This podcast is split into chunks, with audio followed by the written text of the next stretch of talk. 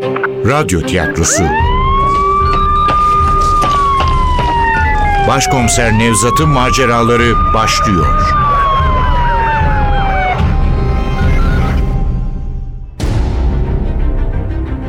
İstanbul Hatırası. Eser Ahmet Ümit. Radyoya uyarlayan Safiye Kılıç. Seslendirenler Başkomiser Nevzat Nuri Gökaşan Ali Umut Tabak Zeynep Burcu Başaran Leyla Barkın Nilgün Kasapbaşıoğlu Evgenya Funda Postacı Yekta Hakan Akın Demir Ender Yiğiter Efektör Ufuk Tangel Seslendirme Teknisyeni Yakup Ateş Yönetmen Aziz Acar. İstanbul Hatırası'nın önceki bölümünde. Maktulün eski karısı Leyla Barkın, cinayetin işlendiği gece sevgilisiyle birlikte olduğunu söylemişti. Asıl işi cerrahlık olan çevreci sevgilisi Namık da Leyla ile olduklarını teyit etmişti. Şahitleri de vardı. 10 gibi. Gönüllü olarak çalıştığı dernekte konuştuğumuz Namık, maktul hakkında hiç de iyi şeyler söylememişti. Necdet'in şehri yağmalayanlardan biri olduğunu iddia etmişti. Namık'la konuştuktan sonra çıkıp eve gittim. Evgenya o akşam ilk kez evime gelecekti. Kapıyı açıp içeri girdiğimde yıllardır duymadığım çok eski bildik bir koku çarptı burnuma. Arif Usta'nın yaptığı yemeklerin kokusu. Bu kokuyu duyduğumda aşina olduğum bir ses gelirdi içeriden. Nevzat sen misin?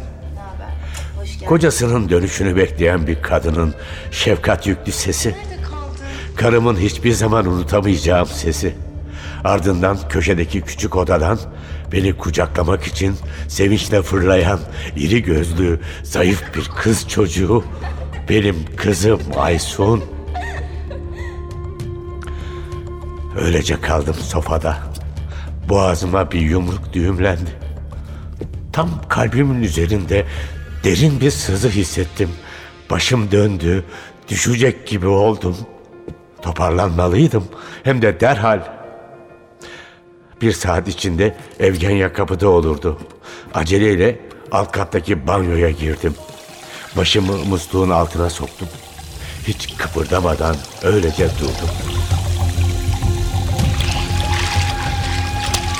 Su hiçbir şeyi sürükleyip götürmedi. Kendimi hala berbat hissediyordum. Evgenya beni görse anında anlardı neler olup bittiğini. Yukarı çıktım, kurulandım, giysilerimi değiştirdim. Ayaklarımı sürükleyerek salona geçtim. Dışarıda akşam olmuştu. Sokak lambasından yansıyan ışık, gölgeli, hoş bir aydınlık oluşturuyordu salonun zeminindeki eski halıda. Lambaları yakmadım. Geniş salonun öteki ucunda, üzerinde Arif Usta'nın büyük maharetle hazırladığı masaya bile bakmadan pencerenin yanındaki koltuğa çöktüm. Perdeleri açık penceremden komşuların sıvası dökülmüş duvarları, kırmızı kiremitli çatıları, rengini yitirmiş bacaları görünüyordu. Çoğu zaman bu çirkin görüntüye bakmak istemezdim. Tuhaftır. Oysa şimdi lacivertten siyaha dönüşen gökyüzünün altında görkemden, gösterişten uzak bu yapılara bakmak, onların içinde yaşayan komşularımı, başlarına gelen her türlü derdi belayı büyük bir tevekkülle karşılayan bu mütevazı insanları düşünmek beni rahatlatıyordu. Hayatın o kadar da ciddiye alınacak bir şey olmadığını hatırlatıyordu. Koltuğumda oturup karanlığı izledim. Ta ki babadan kalma antika duvar saatinin gongu Evgenya'nın gelmek üzere olduğunu haber verinceye kadar. Artık kendimi toparlamalıydım. İlk iş olarak perdeleri çektim. Işığı yakarak masaya yöneldim ve işte o zaman fark ettim Arif Usta'nın marifetlerini. Masayı öyle bir donatmıştı ki hani bir kuş sütü eksik derler ya tam da öyleydi. Arif Usta'ya güzel bir hediye almak farz oldu diye düşünürken kapı çaldı. Paniğe, heyecana benzer bir duygu kapladı içimi. Derin bir nefes alıp "Geliyorum!" diye seslenerek merdivenlere yöneldim. Sanki az önce yaşadıklarım hiç olmamış gibi Abartılı bir gülümsemeyle karşıladım onu. Merhaba Evgenya, hoş geldin. İçeri girsene. Hoş bulduk. Ah, bu köpek senin mi Nevzat? Oh ne şekerse. Ba- Bahtiyar mı? Benim sayılır ama bütün mahalleli sahip çıkar ona. Oh nasıl da sevgiyle bakıyor insana. Şirin bir mahallen varmış. İstanbul'da artık böyle semtler kalmadı. Güzeldir. İnsanları da çok iyidir. Komşular günün hangi saati olursa olsun hiç çekinmeden hala birbirlerinin kapısını çalabilirler. Hala birbirlerinden tuz, kahve isteyebilirler. Kurtuluş da böyleydi. Fazla değil on sene önce. Şimdi bırak mahallede yaşayanları, aynı apartmanda oturanlar bile birbirlerini tanımıyor. Büyük babamın Heybeli'de bir evi vardı. Orayı hatırladım. Aynı burası gibiydi. İki katlı kagir bir bina. Yazları hep oraya giderdik. Evin güzelmiş Nevzat. Tam sana yakışan bir yer. Teşekkür ederim. Asıl ben teşekkür ederim çağırdığın için. Hadi gel yukarı çıkalım. Şu sofrayı bir gör. Bakalım beğenecek misin? Hı? Bakalım. Korkma. Basamaklar sana hoş geldin diyor. Öyle mi? Hoş bulduk. Demek bu evde eşyalar da konuşuyor. Evet mesela bu merdivenin bakma sana hoş geldin dediğin aslında biraz mızmızdır. Basamakların ayağını koyar koymaz başlar şikayete. Ama bu avize. Yeşil etekli ışıklı hanım hiç naz etmez. Düğmesine dokunur dokunmaz gülümser insana. Ya bu resim? Yan duvardaki resmi gösteriyordu. Kızımın ortaokullar arasında düzenlenen yarışmada ikincilik kazandığı Haliç'teki Kayıklar adlı sulu boya tablosunu. Hemen yanıt veremedim. O resim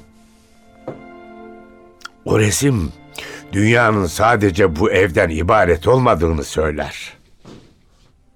Ama aynı zamanda bu evinde dünyanın bir parçası olduğunu unutmamamı hatırlatır bana. Felsefeye meraklı bir resimmiş. Hep böyle bilgece sözler mi söyler? Evet, evin filozofu da bu resimdir. Öteki eşyalar da arada bir felsefe yaparlar ama bilgelikte hiçbiri eline su dökemez bunun. Evgenya sesimin titreyişinden bir şeylerin ters gittiğini sezinledi. Gülümsemesi ağır ağır söndü. Konuşmamızın arkası gelmedi. Kendimi ne kadar zorlarsam zorlayayım, söyleyecek uygun sözcüğü bulamıyordum. Evgenya'nın da benden farkı yoktu. Salon olarak kullandığım sofaya çıkınca gerilimli sessizliğe son verdi. Hayret, burası da aynı büyük babamın adadaki evi gibi. Sakın ikisini de aynı adam yapmış olmasın. Olabilir. Bu bina 70 yıllık filan olmalı. Adadaki ev de öyleydi. 60 ya da 70 yıllık. Sen burayı kimin yaptığını biliyor musun? Ah, Ne yazık ki bilmiyorum. Rahmetli babam bilirdi.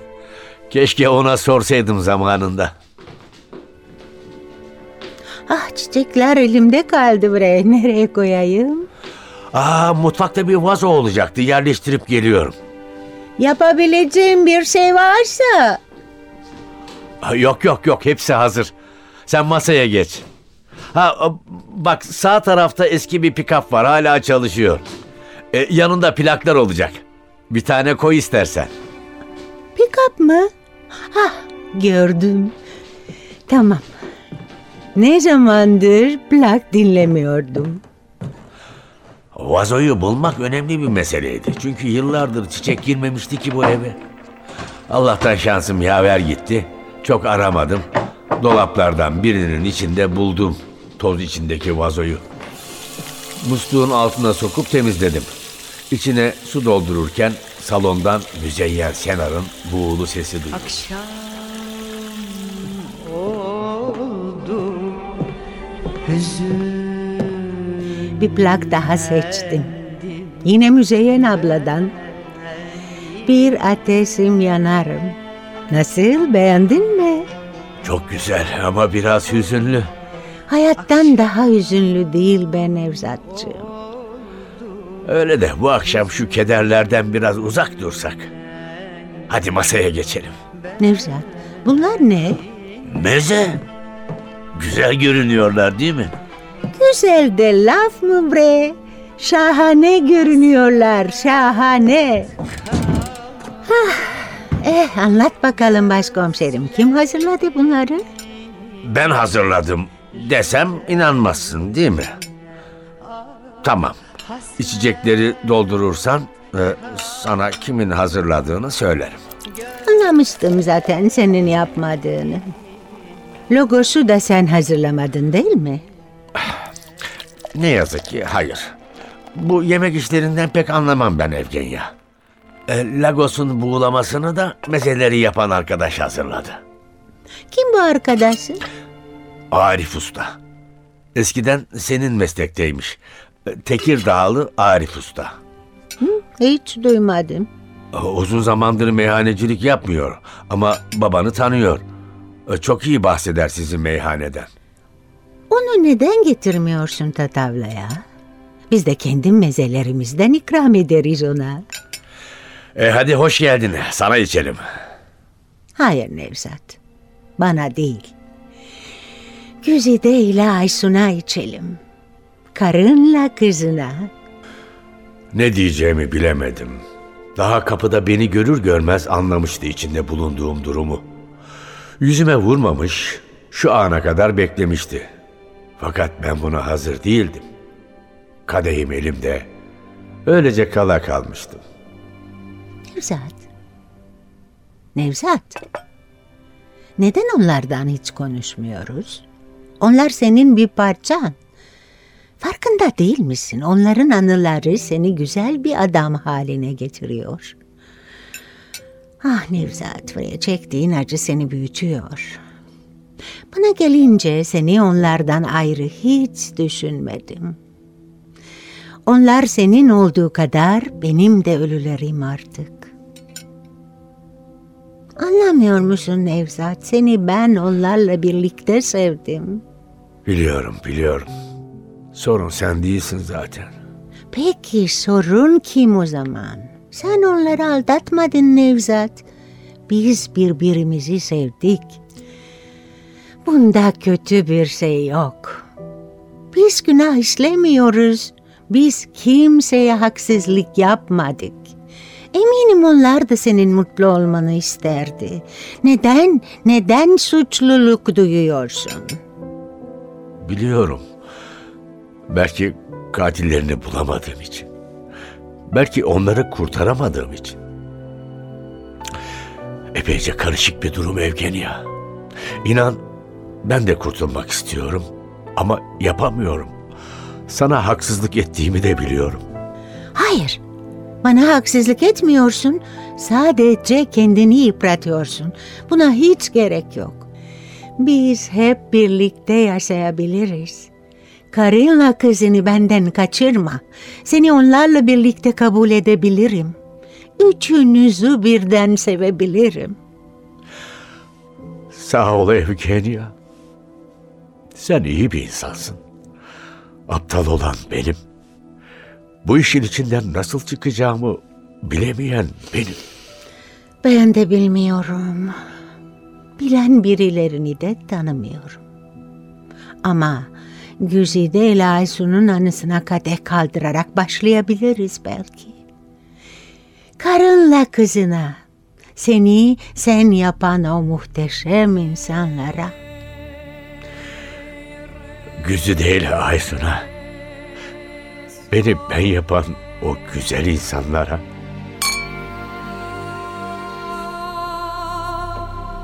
Evgenya gece bende kalmadı. Yine de evime gelmesiyle önemli bir adım atmış olduk. Ona Güzide ile nasıl tanıştığımızı anlattım. Kızımın doğumunu, İstanbul dışındaki görevlerde çektiğimiz çileleri, taşradaki hayata uyum sağlayamamanın sıkıntılarını, hepsini ilgiyle dinledi Evgenya. Anlamak için sorular sordu. Hiç duraksamadan, hiçbir şeyi saklamaya çalışmadan yanıtladım. Asıl tuhaf olan aramızda bir uzaklık, bir soğukluk yaşanmamasıydı. Oysa ilişkiniz olan bir kadına eski karınızdan bahsederseniz bir tür yabancılaşma yaşanır. Bizde öyle olmadı. Ne Evgenya sözlerimi yadırgadı ne de ben ondan uzaklaştım. Eğer Evgenya ile birlikteyseniz ne aşk küllenir ne tutku söner. Estirdiği o tatlı rüzgar yüreğinizdeki acıyı, kederi dağıtır. Size hayata yeniden başlama gücü verir. Evet, evimizdeki ilk gecemiz işte böyle geçmişti. Bütün itirazlarıma rağmen bulaşıkları yıkadı Evgenya. Bana da tabakları kurulamak düştü. Tuhaf duygular içindeydim. O da bunun farkındaydı ama değilmiş gibi davranıyordu. Dışarı çıktığımızda vakit gece yarısına yaklaşıyordu. Onu evine bırakacaktım. Kontağı çevirince benim ihtiyar otomobil önce derin derin öksürdü. Yapma bizi Evgenya'ya mahcup etme demeye kalmadan toparlandı. Tıkır tıkır çalışmaya başladı. Hafiften sarsılıp tenha yola doğru atıldı. Evgenya yan koltuktan göz ucuyla beni izliyordu. Eşyalarından vazgeçmiyorsun değil mi? Öyle. Mesela bu yaşlı araba artık benim bir parçam gibi. Evet, biliyorum bu hissi. Kurtuluş'taki mahallede eski bir komşumuz vardı. Madame Penelope beş yıl önce Selanik'e göçtü. Burada kimsesi kalmamıştı. Yakınlarının ısrarına dayanamadı. Vatanımdan ayrı ama hiç değilse çocuklarımın yanında ölürüm deyip Yunanistan'a gitmeye razı oldu.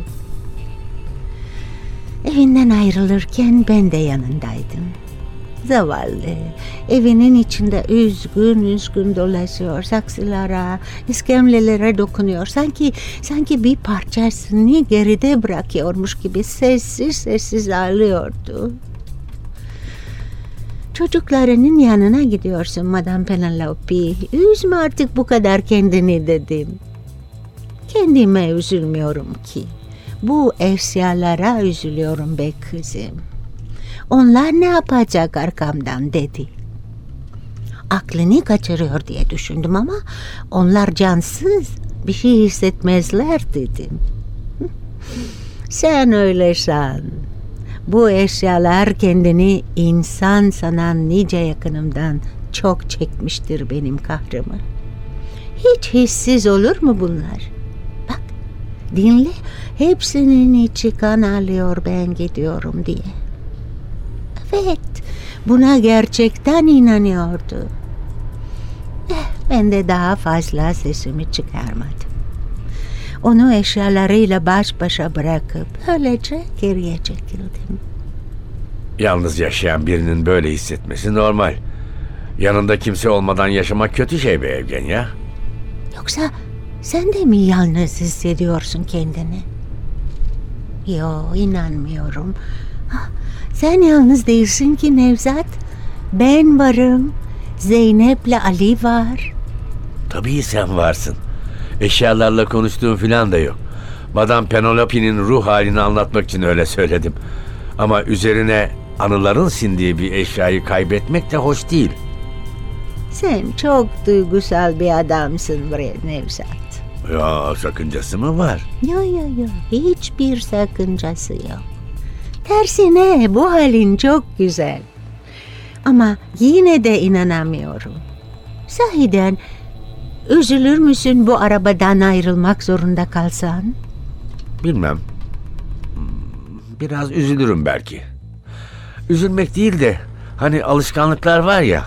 Sabah kalkıp biniyorsun, akşam park edip Nevzat dikkat! Yerde canlı bir şey var. Bakışlarımı çevirince ben de gördüm. 4-5 metre önümüzde yerde irice bir karartı usulca kıpırdanıyordu. Direksiyonu sağa çevirerek frene bastım. Tam zamanında durdu bizim emektar. El frenini çektim. Evgenya, sen istersen arabada kal. Olur mu? Belki yaralı biridir. Yardıma ihtiyacın olur.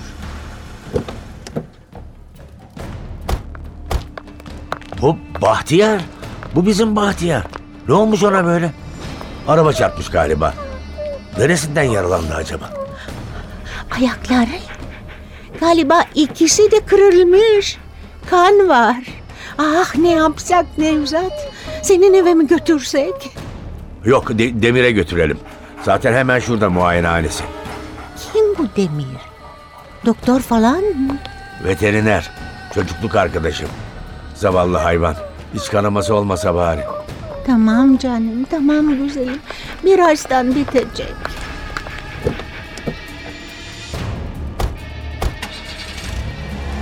Demir'in benimki gibi babadan kalma geniş bir bahçe içindeki iki katlı evi karanlıklar içindeydi.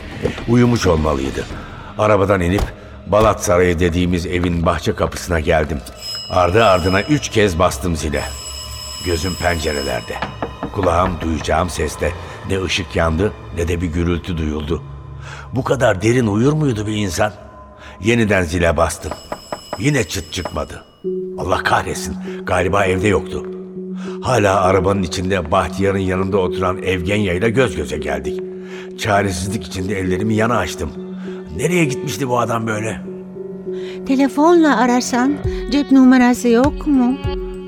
Demir antika bir adamdır. Cep telefonu kullanmaz. Ama dur. Belki Yekta'ya gitmiştir. Yekta kim? Yakın arkadaşımız. Yakın arkadaşınız. Hiç bahsetmedin bana onlardan. Uzun hikaye sonra anlatırım. Hadi gidip şu Yekta'ya bir bakalım. Şuna bak. Şu yaklaşan araç. Uzunları yakmış gözümü alıyor. Deli mi bu herif? Ne yapıyor bu böyle? Hah Yekta'ymış. Demir de yanında. Şansımız varmış. Telaşla indim arabadan. Ama iki arkadaşımın hiç acelesi yok gibiydi. Aracın içinde oturmuş, sanki yanlarına gitmemi bekliyorlardı. Yoksa beni tanımamışlar mıydı? Derken aracın kapısı açıldı, iri gövdesiyle demir indi. Çok sürmedi. Öteki kapıdan Yekta'nın çelimsiz silüeti göründü. Yüzlerinde tuhaf bir ifade vardı. Gece yarısı beni burada görmek kafalarını karıştırmış olmalıydı. Yekta'nın yüzü endişeliydi. Demir her zamanki sakinliğini koruyordu. Sadece gözlerinde soru dolu bir ifade vardı. Neredesiniz oğlum? Dakikalardır kapıyı çalıyorum. Balığa gitmiştik. Niye? Ne oldu ki? Bahtiyar, bizim Bahtiyar yaralı, araba çarpmış. Yapma ya. Ciddi bir şey mi? Ayakları kırılmış galiba. İç kanama olur diye korkuyorum. Bahtiyar nerede? Arabada, bir battaniyenin içinde. Merhaba. Merhaba. Ah çok acı çekiyor zavallı. Nevzat. İçerinin lambalarını yaksana. Hiçbir şey görünmüyor. Bahtiyar, ne oldu dostum sana? Tamam oğlum. Tamam, biraz cesur ol. Şimdi geçici. Sol arka ayağında kırık var. Sağ ayak kırık mı emin olamadım. Umarım sadece incinmiştir. İçeride daha iyi anlarız. Nevzat, karşıya geçip battaniyenin ucundan tutar mısın? Sarsmadan taşımamız gerekiyor. Tamam Bahtiyar, sık dişini biraz.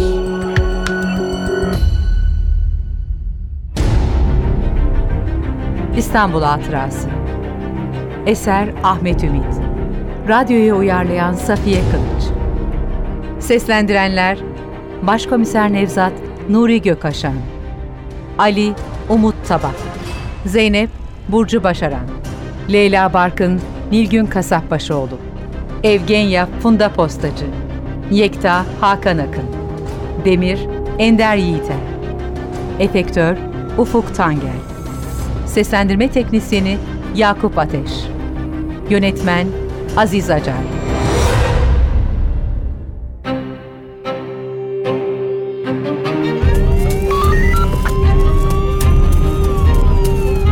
Radyo tiyatrosu. Başkomiser Nevzat'ın maceraları